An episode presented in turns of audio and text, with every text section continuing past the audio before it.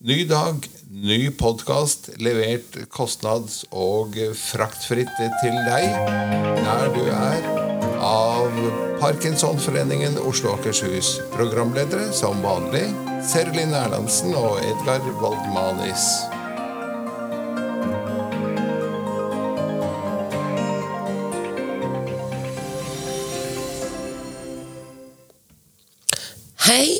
Heter Seri Lind, og med min side så har jeg Edgar. Ho, ho. Ho, ho, ho. Står til i adventstria. Det står eh, veldig bra til. Det vil si, det er litt ja og nei. For i, i helgen hadde vi både besøk av barnebarn og fikk med oss Egner kabaret. Og jeg fikk med meg DDE i Oslo Spektrum. Et fantastisk show. Helt hinsides. Oi, oi, oi. Eh, men så har jeg fått noe kink i ryggen, så jeg sitter ganske rolig her eh, i dag. Du sitter faktisk litt krøkkete, spør du meg. Ja, jeg gjør det. Det er helt eh, vanvittig vondt. Ja, det skjønner jeg. Det går, eh, det går fint å sitte i det øyeblikket jeg skal reise meg opp. Da så hogger det i noe helt, eh, helt forferdelig. Men fikk du det på konserten, eller å løfte et barnebarn? Eh, verken eller. Det kom eh, litt eh, fra venstre flanke, bokstavelig talt. Så jeg vet ikke hva, hva det er. Få legge deg ned med ei varmeflaske etterpå. Eh, det er akkurat stikk motsatt av det fagkunnskapen sier. For de sier at man skal legge seg med ispose. Å ja. Så Ja, ja, ja. Nei, altså, hvorfor spør Seri når du kan spørre Siri, sier jeg. Ikke sant? Det er akkurat det.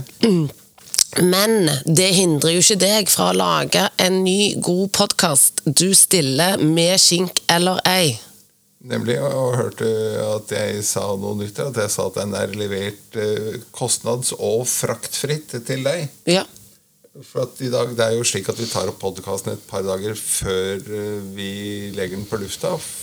I tilfelle ting skjer og vi må gjøre om noe, så har vi litt eh, tid der. Eh, Så i dag når vi tar den opp, er det noe som heter Giving Tuesday. Å ja. Som en motsats til alt dette black-greiene. Black Friday, Black Week, Cyber Monday. Black Month og alle andre crazy tilbud, så er det nå en hel rekke mennesker som gir eh, et eller annet i dag. Og da tenkte jeg at da kunne vi si at vi gir eh, det er, det er jo kanskje litt dumt, da, men vi gir en helt gratis, fraktfri podkast levert til deg der du er akkurat nå. Det eh, gjør vi. Det er jo helt fantastisk.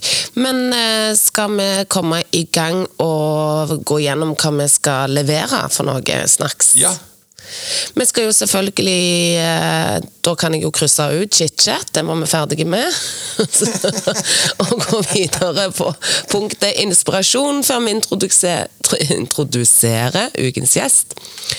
Fem kjappe quiz. Hvor kommer det fra? Ny spalte. Ny spalte. Det skal vi gå inn på litt senere hva det er. Dilemma. Kransekakevits avslutter vi med, og så er det ferdig. Rett og slett. Men da et liten inspirasjon. Gratis eh, giveaway til lytteren. Okay. Og det er at eh, ingen har klar krav på din forklaring. Og hva mener jeg med det? Jo, Ja, det lurte jeg også på. jo, fordi når vi skal komme oss ut av en avtale, eller når vi kommer for seint, eller eh, et eller annet annet, så kommer vi med litt sånn forklaringer på hvorfor. Og de forklaringene er ofte litt sånn hvite løgner, fordi at vi har så lyst, lite lyst å såre noen. Så kommer det masse rare forklaringer på hvorfor vi ikke kommer, f.eks. Og de hvite løgnene blir vi tatt i senere. Og så er det sånn, det er ingen som har krav på din forklaring. Du kan bare si 'Jeg får ikke tid til å komme. Beklager det. Kan vi avtale nytt tidspunkt?' Ok. Istedenfor for, om, men. Mye is i fjorden og Mye is i fjorden kom meg ikke over. Kom for seint. Det tok for lang tid å varme opp det vannet før jeg kunne gå på det. Så det er viktig å prøve å finne ut eh, På en måte si til seg sjøl Vet du hva, eh, jeg trenger egentlig bare å si at jeg får det ikke til. Jeg trenger bare å si at jeg kommer ikke. Men Og så er det holder det. Den er god. Men da skal vi introdusere ukens gjest. Det skal vi. Skal vi få henne inn?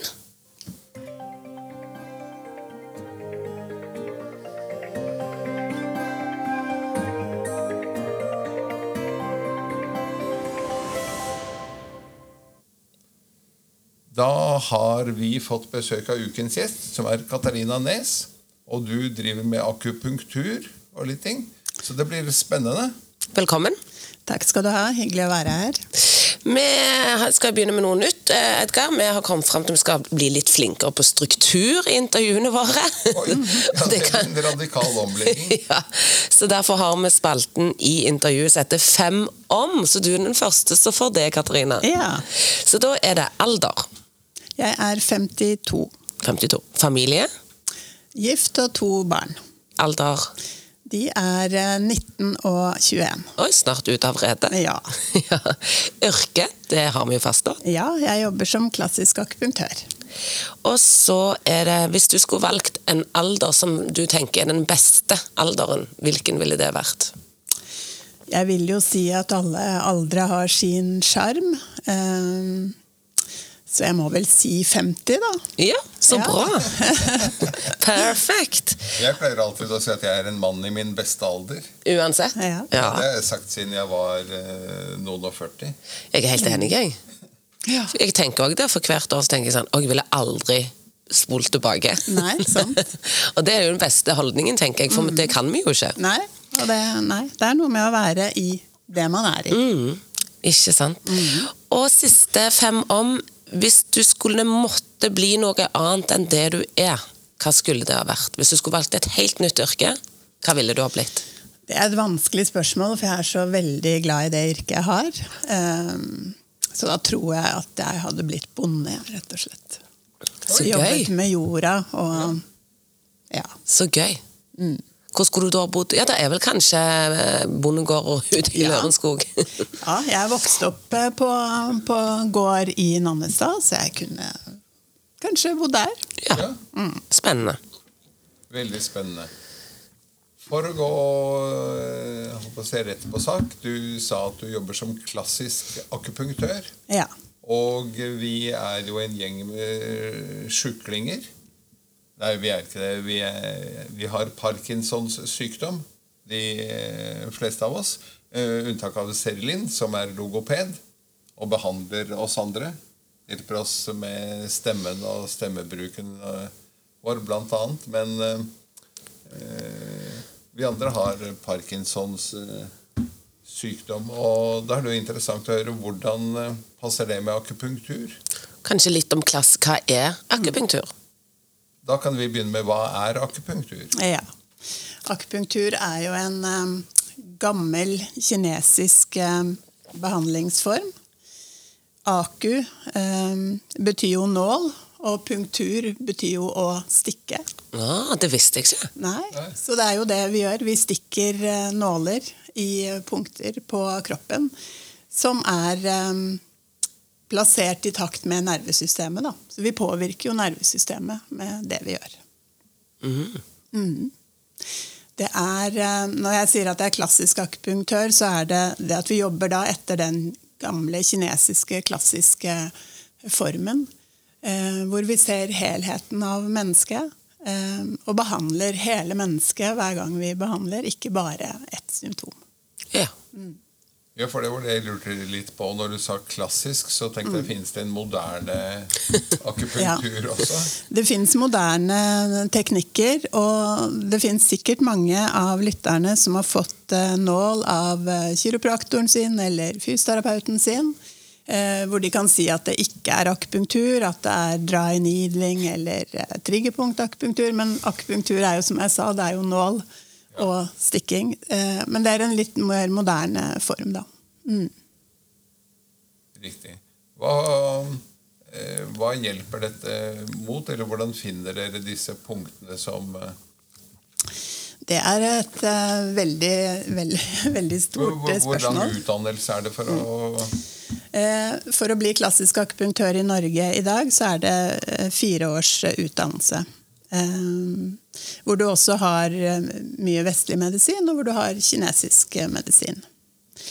I Kina så er det jo like lang utdannelse som vanlig medisinutdannelse. Du går først sammen noen år, og så velger du om du vil ha en vestlig eller østlig spesialisering. Da. Så i Kina er det samme status sånn sett å være en klassisk akupunktørlege og en vanlig vestlig medisinsk lege.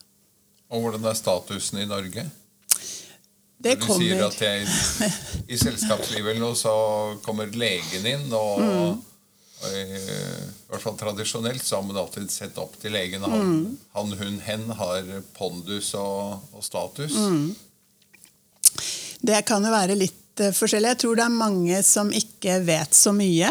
Og ofte har akupunktur også kommet eh, litt eh, sammen med mye annet alternativt. At det virker litt useriøst, eller at man ikke vet nok. Så da blir det ofte at man snakker, um, snakker, mye om det da, i selskapelig sammenheng også. Ja. Eller at man ikke snakker om det i det hele tatt. at folk blir litt sånn glassaktige i blikket, og så sier de uh, uh, ja. Å ja. Ok, ikke sant? Og ellers. ja. Mm. Hva slags kontakt uh, har dere med f.eks. fastleger?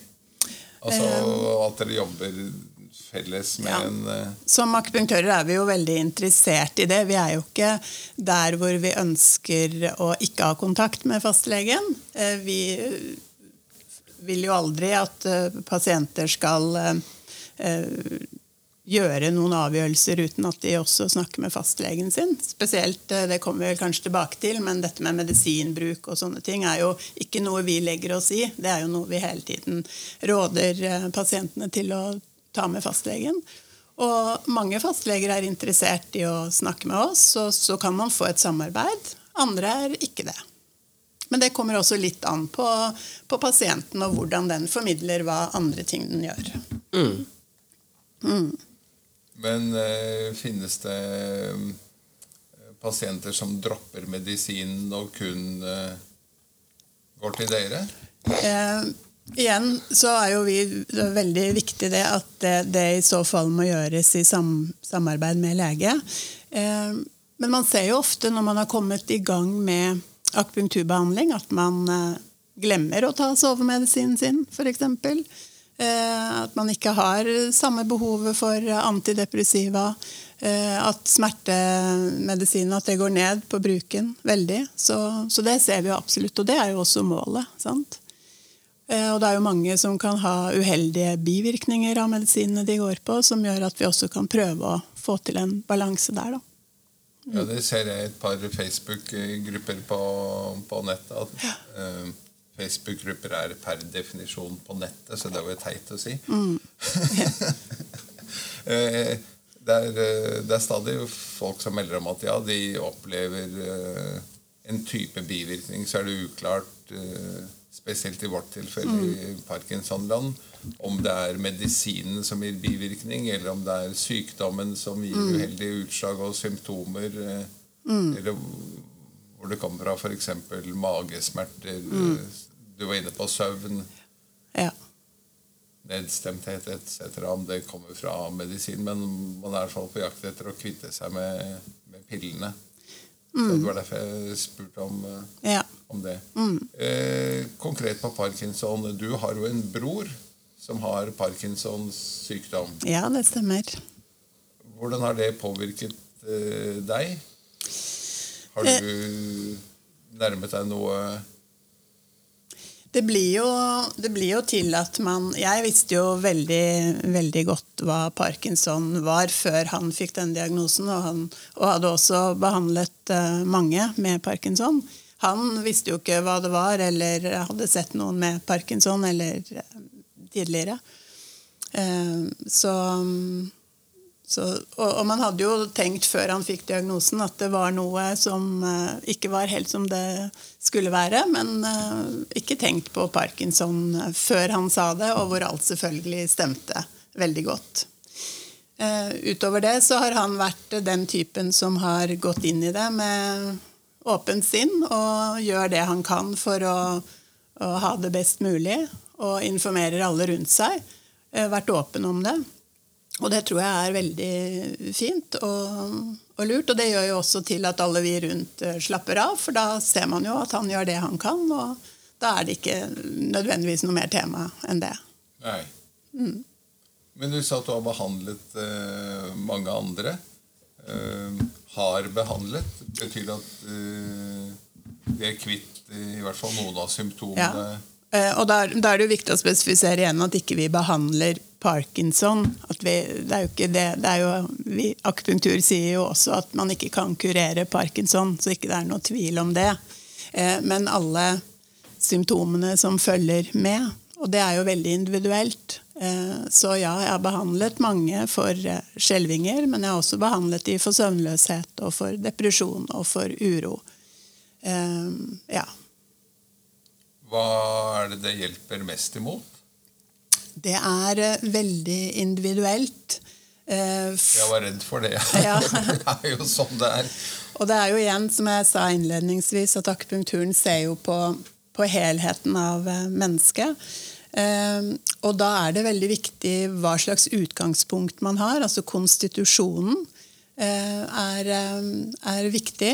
Eh, hva slags symptomer man har. Altså hvis mave, Det sier man i, i kinesisk medisin at hvis maven fungerer bra, da er det alltid gode prognoser. Sant? Og det er jo logisk. Og så tar vi opp næring. Vil vi ha mat? Eh, får vi nok energi av det vi spiser, så har vi også et bedre utgangspunkt til å, å bruke den energien riktig. Eh, det samme med søvn. Sover vi, så har vi også større mulighet til å få gode resultater på det vi jobber med. Da. Så ofte så kan du kanskje komme til meg med en, en smerte eller eh, skjelvingen, men at vi ser at nei, her må vi jobbe med maven din og med søvnen din først for å få deg i såpass god balanse at vi kan jobbe videre med, med de andre problemene. Så det er det, det individuelle da, i akupunkturbehandlingen. Da, mm. Da ser vi på tungen din, og vi tar pulsen din, og vi observerer deg, og vi snakker med deg, og så eh, lager vi en egen skreddersydd behandling til deg. Er det noen som ikke blir bedre i det hele tatt? Eh, det, jo, det er jo også igjen Det kommer an på, fordi eh, det, har, det, har, med disse forutsetningene i bånn å gjøre. Så kanskje de ikke ble bedre av eh, skjelvingene, men de begynte å sove bedre. Riktig. Mm. Eh, så jeg vil si at det er særdeles sjelden at noen ikke opplever noe som helst positivt med akupunktur tenkte på en ting, De fleste, eller veldig mange eldre har problemer med det som med svelg, altså det vi kaller at det går for en dysfagi. Mm. Er det noe en kan bruke nåler på i forhold til å, å på en måte stimulere til svelg, et bra svelg, sånn en unngår mm. denne lungebetennelsen som ja. oppstår? Mm. Det, eh, stikkordet i akupunktur er jo fri flyt. Eh, og vi bruker, Det er jo veldig mange lokale punkter eh, rundt hals og svelg, men også distale punkter som sirkulerer i det området. Så ja, eh, absolutt er det mulig til å gå inn og prøve å påvirke det. Hvis du, hvor er det du holder til hvis noen blir nysgjerrige og har lyst til å ringe og høre om det er noe for de? Jeg holder til i Akupunkturhuset, som er i Nedre Slottsgate i Oslo sentrum. Og der er vi fire akupunktører som eh, jobber klassisk akupunktur. Er det noe du har funnet ut av med parkinson etter hvert som etter din bror, som du tenker er sånn spesielt viktig for lytterne nå å vite? Jeg tenker det at det å å tenke at man er eh, så balansert som mulig. Det er jo det som er stikkordet også i akupunkturen. Balanse. Vi bruker ikke ordet sykdommer, men man snakker om ubalanse. Det at man er så balansert som mulig, eh, både mentalt og fysisk, gjør at eh, man kan gjøre de rette tingene. At man kan komme seg på trening. At man kan ha, ha en bra hverdag. At det er det, det viktigste. Men Du snakker om uh, skjelving, men så tenker jeg også en ting, da snakker du om kanskje å roe ned uh, ufrivillige bevegelser. Mm. Men òg alle disse muskelkrampene som kommer. Ja. Uh, hvis jeg ikke forstår riktig, så jobber dere òg med å kunne få av spenninger, Ja. disse nakkeproblemene eller kramper som kommer. Absolutt, der kan vi gå inn eh, lokalt og jobbe også litt da moderne. Vi jobber med, med triggerpunkter. Det er jo mye eh, muskelfibrer som spenner seg, og som, som lager både smerte og, og stivhet. Eh, og da kan vi også jobbe lokalt. Altså Med en gang vi stikker en nål inn i en spent muskel, så vil jo den muskelen reagere. Det har jeg vært med på selv, det sier Ja. nesten spjong. Ja, det sier spjong. ja. Eh, det er Veldig morsom, morsom reaksjon, egentlig. Eh, Vi bruker mye varme. Vi kan bruke kopping, som også er en kinesisk behandlingsform som sirkulerer blod i, i muskelen. Og, ja, så det er absolutt mye vi kan gjøre der også. Mm. Jeg burde kanskje sitte på med deg ned til kontoret ditt etterpå, for jeg har fått noe forferdelige greier i ryggen eh, Mm. slash haften som jeg satt i stedet før du kom inn. Så, så klarer jeg fint å sitte. Men idet jeg reiser meg opp, så hogger det i. Og det er eh, også det som er viktig å huske med akupunktur, at når ting blir akutt, da, når du får noe som er eh, nytt akutt, til tidligere du kommer til behandling, da, jo fortere har man mulighet til å snu det. sant? Ja, Det var dagens innsalg. Ja, ikke sant? Er det noe vi ikke har fått spurt deg om som er viktig, eh, som du tenker er bra å formidle i forhold til akupunktur? Og det er så mye vet du, å formidle med, med akupunktur at det er eh, Man kunne snakke i, i dagevis. Eh, Men jeg tenker at det som er viktig å formidle i dag, hvis det er folk der ute som ønsker å oppsøke en akupunktør, det er at man oppsøker en akupunktør som er medlem i Akupunkturforeningen. For i Norge i dag så er det ikke noe krav til eh, akupunktur, akupunktører. Eh, og det betyr at du med et helgekurs fra Danmark kan eh, kalle deg akupunktør og ta imot eh, hva som helst. Mens eh, Akupunkturforeningen har høy kvalitetssikring på sine medlemmer, og som sagt minimum fire års utdannelse eller mer. Og, og jeg har et høyt krav, da. Hva koster en time? Og, og hvordan lang Det er jo alltid at en time er en time. Hos oss er det det. Der er det ofte mer enn en time. Eh, første gangen så har vi en lang samtale først, og vi tar som sagt eh, puls- og tungediagnose. Og så behandler vi etterpå. Vi bruker fort opp til 1 12 time, og, og da koster det 790 kroner. Eh, De oppfølgende behandlingene er på én time, eh, og da, og da koster det 600 kroner. Hjelper dette noe på frikortet? Dessverre. Jeg ble, hang meg litt opp i tungediagnose. Ja, veldig spennende det òg. ja. Men er det sånn at jeg rekker ut tungen, og så kikker du på den? Mm, og så ser jeg på den, og noen tunger er tynne og lange, andre er eh, svulne og bleke. Eh, Noen har geografisk belegg, som man kaller det. Litt belegg her og der, men ikke overalt. Noen har masse belegg, noen har eh, lite eh, belegg. Og alt betyr noe i forhold til tilstanden i kroppen. Så man kan se veldig mye på tungen. Men hvis han er tynn og lang, er ikke det genetisk, eller kan han bli tynnere og lengre? Ja, den kan, eh, Ja, altså det er jo mye som også er litt genetisk, men det er innenfor Det, det ser vi. Ja. Men så er det hvordan den eh, forandrer seg innenfor det igjen. Ja. Jeg lærte meg for ikke så lenge siden og kjøpte inn til meg og jentene at en tunge Mhm. Sånn at når jeg våkner om morgenen, så skraper jeg av det hvite belegget. Ja. Fordi at det er avfallsstoffene vi svetter ut i løpet av natten. Og for at de ikke de skal gå tilbake igjen til kroppen. Ja. så skraper jeg det av. Er det bare noe tøys jeg har lært Ja. meg? Nei, det, er helt, det er helt greit at du, at du gjør det, men første gangen du skal til meg, så kommer jeg til å be deg om å ikke gjøre det. Sånn at jeg kan se hvordan det belegget er. Men det skal være et, det er riktig som du sier, det skal være et lett hvitt eh, belegg, som du godt da kan eh, skrape av, som mange gjør. Men, men hvis det belegget er geografisk, som jeg sa, eller det er gult, eller det, eller det er litt for tykt, så sier det meg noe, da. Ja. Jeg blir helt fascinert, jeg. Ja. Så jeg tar en prøvetime bare for å Ja, oppleve det. men det er, eh, ja, det er veldig, veldig, veldig spennende. Mm. Eh, jeg gjorde en periode bare sånn Først kom med nakken, men så bare vedlikeholdt jeg det. Akupunktur, eh, akupunktur i tillegg, fordi det var sånn Jeg syntes det var så fint bare å være i balanse. Ja. bare ved å gjøre det sånn forebyggende. Er det mange som gjør det? Ja, og det er jo det som er meningen med akupunktur i utgangspunktet. Det er jo å unngå sykdom. Eller unngå ubalanse. Keiserens akupunktør vet du, i gamle Kina, hvis keiseren ble syk, da ble akupunktøren halshugd, for da hadde han jo ikke gjort jobben sin. Eh, risikabelt yrke. det var et risikabelt yrke da.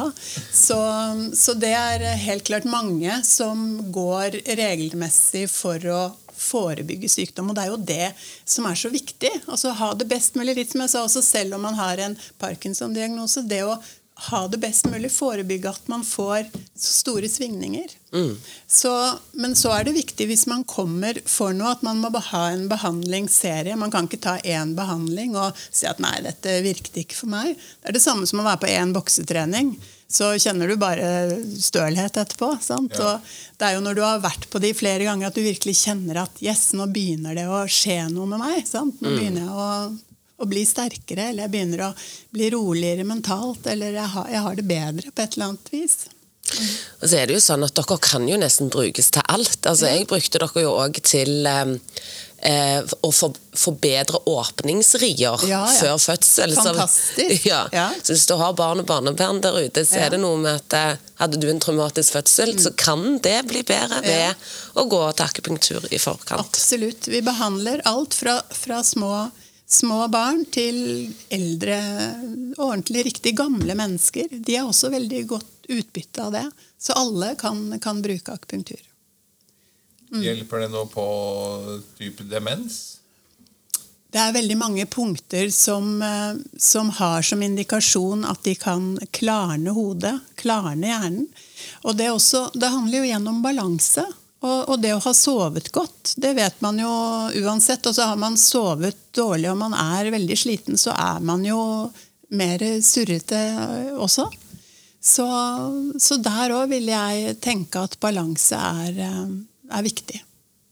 Ja, for du hadde jo Ingebrigt Sten Jensen i, Ja. som gjest for en ukes eh, tid siden. og Han har jo satt seg som mål at han skal bli den første personen i verden som blir kurert Ja. for Alzheimer.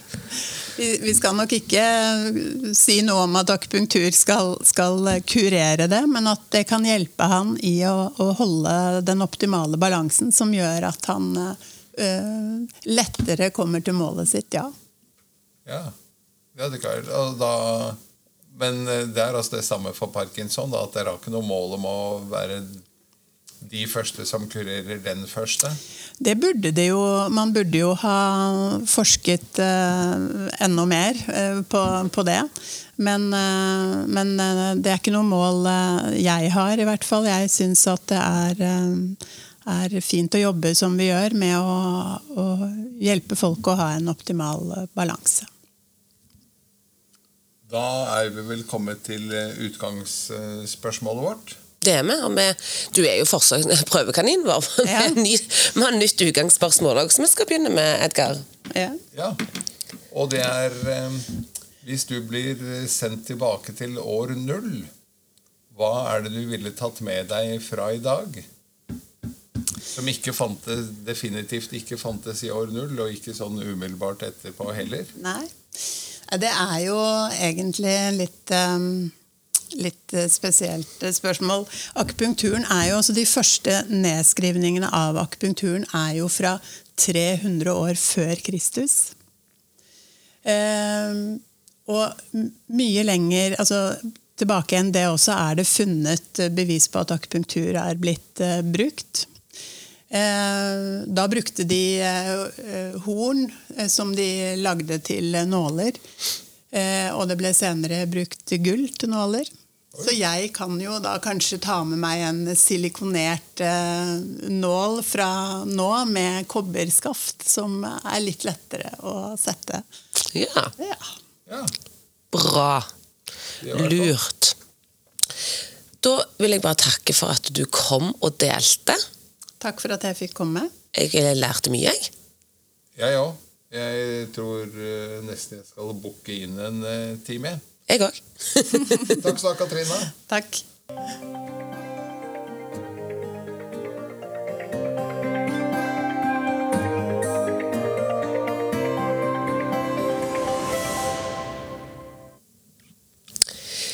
Du, da eh, Hyggelig. Altså, vi må booke time. Jeg tror det. Ja. Siden vi spurte og har nå nytt utgangsspørsmål, Edgar, så er jeg litt nysgjerrig på hva du ville tatt med deg til år null. Så hvis du våkna opp i år null og var forberedt på det i går, så tenkte du hva skal jeg rote fram som er lurt å ha med meg? Og da har jeg tenkt på to ting. Eh, Det ene er å ha med et kvernhjul. Nå hadde de vel i og for seg kverner i år null òg, men er å lage elektrisitet ved hjelp av den. Altså ikke bare bruke den til å male mel, male korn til mel, men at jeg kunne være han smartingen som viste hvordan man får strøm ut av en sånn sak. Ja, det er jo lurt. For det er jo sånn at en har jo græla lyst til å ta med seg denne smarttelefonen, men, men det hjelper jo ikke, for det er jo ikke strøm i år null. Nei, og, ei heller er det mobilmaster og dekning, så det hadde vært helt hjelpeløst. Nei, men Da kunne jeg ha sittet og sett på bilder av ungene mine og så fått sånne der, en pop-ups med, med tilbakeblikk. Nemlig. ja, Det, det andre jeg tenkte på Jeg tenkte faktisk på to ting.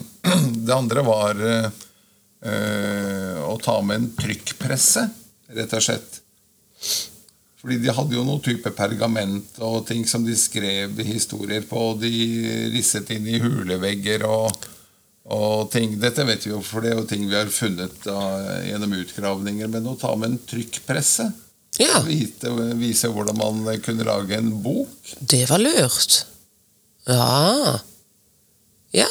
Da vil jeg fremstå som han eh, litt smarte fyren. Kloke, vise mannen. Ikke sant? Jeg er den bare litt for vennlig, så år nulls Einstein. Nemlig. Ja. Også.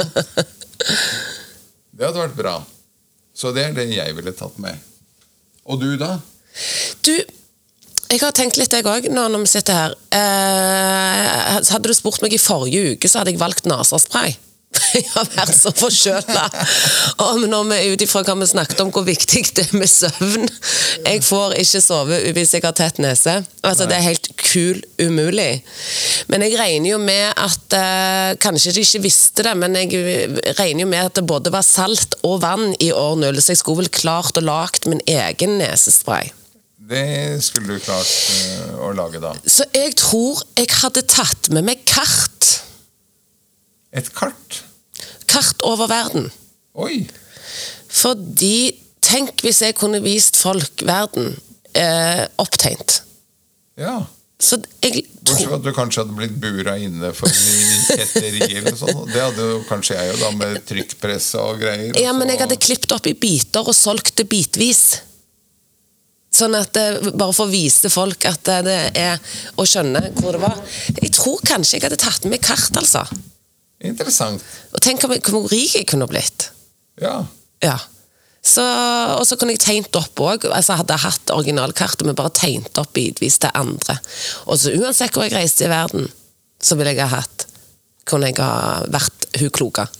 ja. Lett å ta med seg i sekken. Absolutt. Ja. Og skulle jeg hjulpet deg med trykkpressen min da, til å trykke opp eh, flere? Ikke sant? Helt perfekt! Sånn at, eh, Og hva ville du der hjemme, du som lytter på, hatt med deg tilbake til år null fra dagens tid? Bra tankeøvelse. Vi kom til fem kjappe. Ok? Er du klar? Svar fort. Majones eller ketsjup? Majones. 1, 2, 3, kjør, eller 3, 2, 1, kjør? 3, 2, 1. Drikke fra flaske eller glass? Flaske. Taco eller sushi? Eh, Taco. Kake eller bakst? Eh, Hva er forskjellen eh, Sjokoladekake, marsipankake, alt med kake. Bakst er skillingsboller, eh, skolebrød Og der er jeg på ja takk, begge deler. Nei, fem kjappe. Da tror jeg jeg lander på bakst. Hårfint foran kake. Altså, Av alle fem kjappe jeg har stilt deg, så var det den du måtte dvele ved. Ja, ja, ja, ja, ja.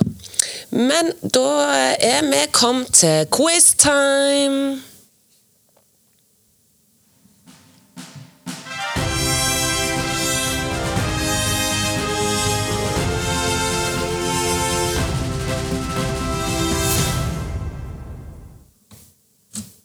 Og hva er temaet for dagens quiz? Du, det er bøker. Er du Oi. god der? Ja, jeg har jo akkurat lansert en trykkpresse. Ja, og, det, og For å tanken på det produsere var bøker, så der lå jeg én foran. ja, så Når det, oppstod den første trykkpressen? I år null. ja, Det kom en magisk trollmann med en trykkpresse under armen. Ikke sant. Nå vet jo ikke jeg altså, Dette med bøker er vel eh, litt sånn uh, sjangerbasert individuelt hva en kan, men uh, kanskje du svarer, så kan kanskje du som lytter på, svare. Vi får se. Det er som sagt fint om du som hører på, enten du er i bilen eller hjemme eller hvor du nå hører på podkasten, at du også tenker litt. Skal jeg dvele litt? Ha litt sånn lag på svarene mine? Så at alle kan henge med. For det er ikke det at han ikke kunne svart kjapt, han legger for deg. Vi kjører. Med 50 millioner solgte utgaver av Anna Sevels roman fra 1877, med en hest som hovedperson, en av historiens mestselgende bøker, hva heter boka? Eh, Nå er det helt ekte lag, for dette sa meg ikke mye. En hest i 1870. 1877, og hovedpersonen er en hest. Det er lagt filmer om han. Jeg har sett på han mange ganger. Nå tenker jeg mest på Torbjørn Egner og Den talende kamel. Kanskje Mommeby. Men... jeg er nokså sikker på du vet det hvis du hører svaret. Skal vi si det? Det er noe sånn stormfulle høyder, eller tatt av vinden, eller eh, Nei. Men- det er jo ikke en hest. Silkesverten Black Beauty. Åh, ja, jeg øh, har vel egentlig aldri vært så betatt av den. Elsket han. I hvilke to byer foregår handlingene i Charles Dickens historieroman To byer, A Tale of Two Cities? Du kunne spurt om noen bøker jeg har lest, men eh, du valgte å stå over. Um, Nei, det, Siden Charles Dickens så er vel dette i England, da. Eh, London og eh, Newcastle. hvis vi sier at eh, London er riktig, så går det en tunnel til den andre byen Eh, da må det bli Paris. Ja, bra! Hvor mange mosebøker er det i Det gamle testamentet?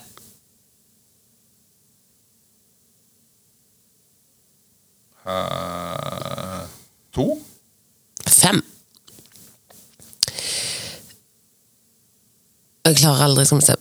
Hvem er det som forsøkte kidnappet i Jack, eh, Jack Higgins' roman 'Ørnen har landet'? Var ikke det Hitler, da? Det var Winston Churchill. Åh, I hvilken norsk roman kan du lese om Isak Selama? eh, Hva er det? Isak Selamat. Selam... Jeg tror jeg leser så dårlig for tiden. Isak fra Sellandrå. Dette, dette minner om for noen måneder siden da, da jeg ble bedt om å svare på satiriske vers. Å, Herman, å gud. Isak fra Sellandrå, er ikke det Er ikke det Sigrid Undset og dette her, da? Eller er det helt feil, det òg? Knut Hamsun? Yes. Ja. Og hvilken bok skal vi til da? Eh, da prøver jeg meg på Sult. Eller Holdt jeg på å si mett? Eh, Hva heter det, disse andre til Knut Hamsun, da? Markens grøde. For eksempel. Siste. Hvem har skrevet romanen 'Den store Gatsby' fra 1925?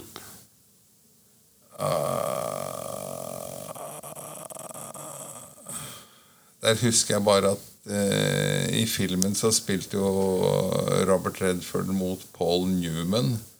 Eh, og så var den for oss som har levd en stund, og det har jo ganske mange av parkinsonistene ligger jo på sånn 60 pluss, i likhet med meg, så de husker sikkert at det var eh, en veldig Det vi i dag ville kalt en monsterhit musikalsk fra filmen, som heter The Entertainer. Eh, nå bare prater jeg rundt, for jeg prøver å komme frem til hvem som har skrevet boken. Eh, Sånn gøy etternavn.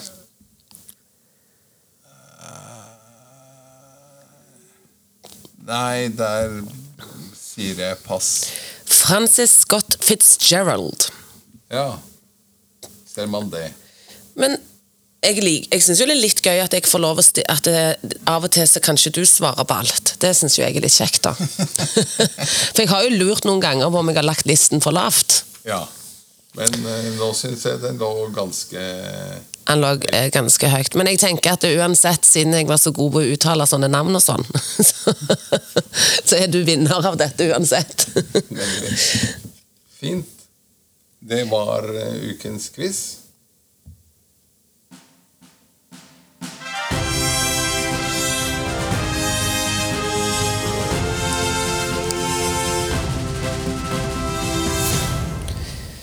Da er det dilemma før kransekakevitsen som du har. Men eh, først skal du svare på Du må velge. Tjene millioner ved å være profesjonell atlet, etterpå ingen karriere. Eller tjene normal lønn. Altså, du har jo karriere, men det er det du på en måte er det det. Etterpå tjene normal lønn, eller tjene normal lønn, og eh, drive med undersøkelser om kreft. Undersøkelser om På kreft. Eh, Det må jo være eh, mye bedre. Så jeg velger faktisk den siste. Var det så enkelt? Eh, Du dveler ingenting? Nei, der dvelte jeg ingenting. Da er det bli fokus på mange millionær på å være sportsatlet. Og så etterpå så er du ingenting. Ja, Du kan jo leve på å dra rundt og holde intervjuer, da. I Kreti og Pleti på Skavlan og Lindmo og så videre. Så du skal skal få kost deg litt òg. Ja. Øh... og så velger jeg den siste allikevel, for det er mer samfunnsnyttig. Ja. Nå fremstår jeg sikkert som han litt eh, eh, skinnehellige der, men øh, det får stå sin prøve. Ja, men det er jo han du er. Takk for den! ja, men det er jo bra å være han. ok, da er vi kommet til siste punkt. Eh, Edgar pleier å le før jeg eh, så vidt kom i gang med å si ordet kransekakevits. Men du har eh, kransekakevitsen denne gangen. Ja. Den er gammel og, og god. Nei. Nei, nei, nei, nei, nei. Jeg har jo glemt ut den nye spalten. ja, og Herre min hatt! Du må jo spenne meg i leggen. Ok, vi har en ny spalte som heter Hvor kommer det fra? nemlig. Og det vi mener med det, det er jo at vi har jo ord og uttrykk som vi bruker i det daglige, som f.eks. lårhøna, eller rosina i pølsa osv. Men hvorfor sier vi disse ordene? For de er jo ikke innlysende og hva- hvorfor vi kaller det.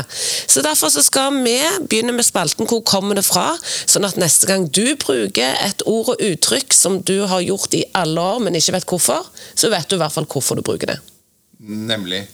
Og da kan jeg si at eh, vi jukser litt. For jeg har funnet frem en bok av de bokhyllen som rett og slett heter 'Rosinen i pølsa'. 333 ord og uttrykk fra hverdagsspråket. Eh, Den kom ut for noen år siden, skrevet av Knut Lystad, Torstein Ellingsen og min gode venn Rune Semenseth. Så hvis Rune hører på, denne er til deg. Eller tilbake til og takk eh, til deg, eh, Rune, som sammen med de to andre herrene har samlet en hel haug med faktisk nøyaktig 333 ord og uttrykk. da. Er du sikker på at Skal vi telle de? Det kan jo være det er 334. Det hadde de har telt feil. Eller 32, så de skylder oss en. Ja. Det syns jeg hadde vært enda bedre. Hvis du gidder å gjøre det, så skal, håper jeg du klarer å, å, å telle det noe annet enn 333. Og da har jeg rett og slett tatt for meg rosinen i pølsa. Hvorfor sier vi det? Og her står det rett og slett at uh, forklaringen er at det er høydepunktet, eller det er en eff eh, effektfull avslutning. kommer trolig fra en gammel skikk der man puttet en rosin eller tre i enden når man stappet blodpølsa. Ah, så den rosin alle gleder seg eh, For når noen måtte spise noe så forferdelig som blodpølse, så skulle du glede deg i hvert fall til slutten. Nemlig, Altså, da kommer rosinen i Da kommer rosinen. Å, fy fader. Men ja, ja, kanskje rosin og pølse og blod er Jeg syns blodpølse er uh, fantastisk godt. Jeg. Du om det. Ja, ja. Ja, Ok. Men da har vi den. Vi kommer med flere slike i kommende episoder av podkasten vår. Skal vi plukke litt eh, godbiter Og hvis du ja, boka 'Rosinen i pølsa'. Og hvis du som lytter på, plutselig ser meg og Edgar, eh, en av oss, gå forbi, stopp oss gjerne hvis du har en god forklaring på hvorfor vi bruker rare ord og uttrykk som eh, i hverdagen. Da er vi kommet til veis ende, og da skal du få levere en kransekakevits. Ja. Og da tenker jeg tar den, eh, den eh, klassiske som er en sånn ordveksling hvor man leser eh, alt. Eh, Og da er den som følger Konen i slakterbutikken, kolon. Eh, Legg merke til at man, man sier rett ut. Vi tar farfra. Konen i slakterbutikken, kolon. Jeg skulle ha ei saftig høne. Slakteren, kolon. Ja, det har jeg også hørt.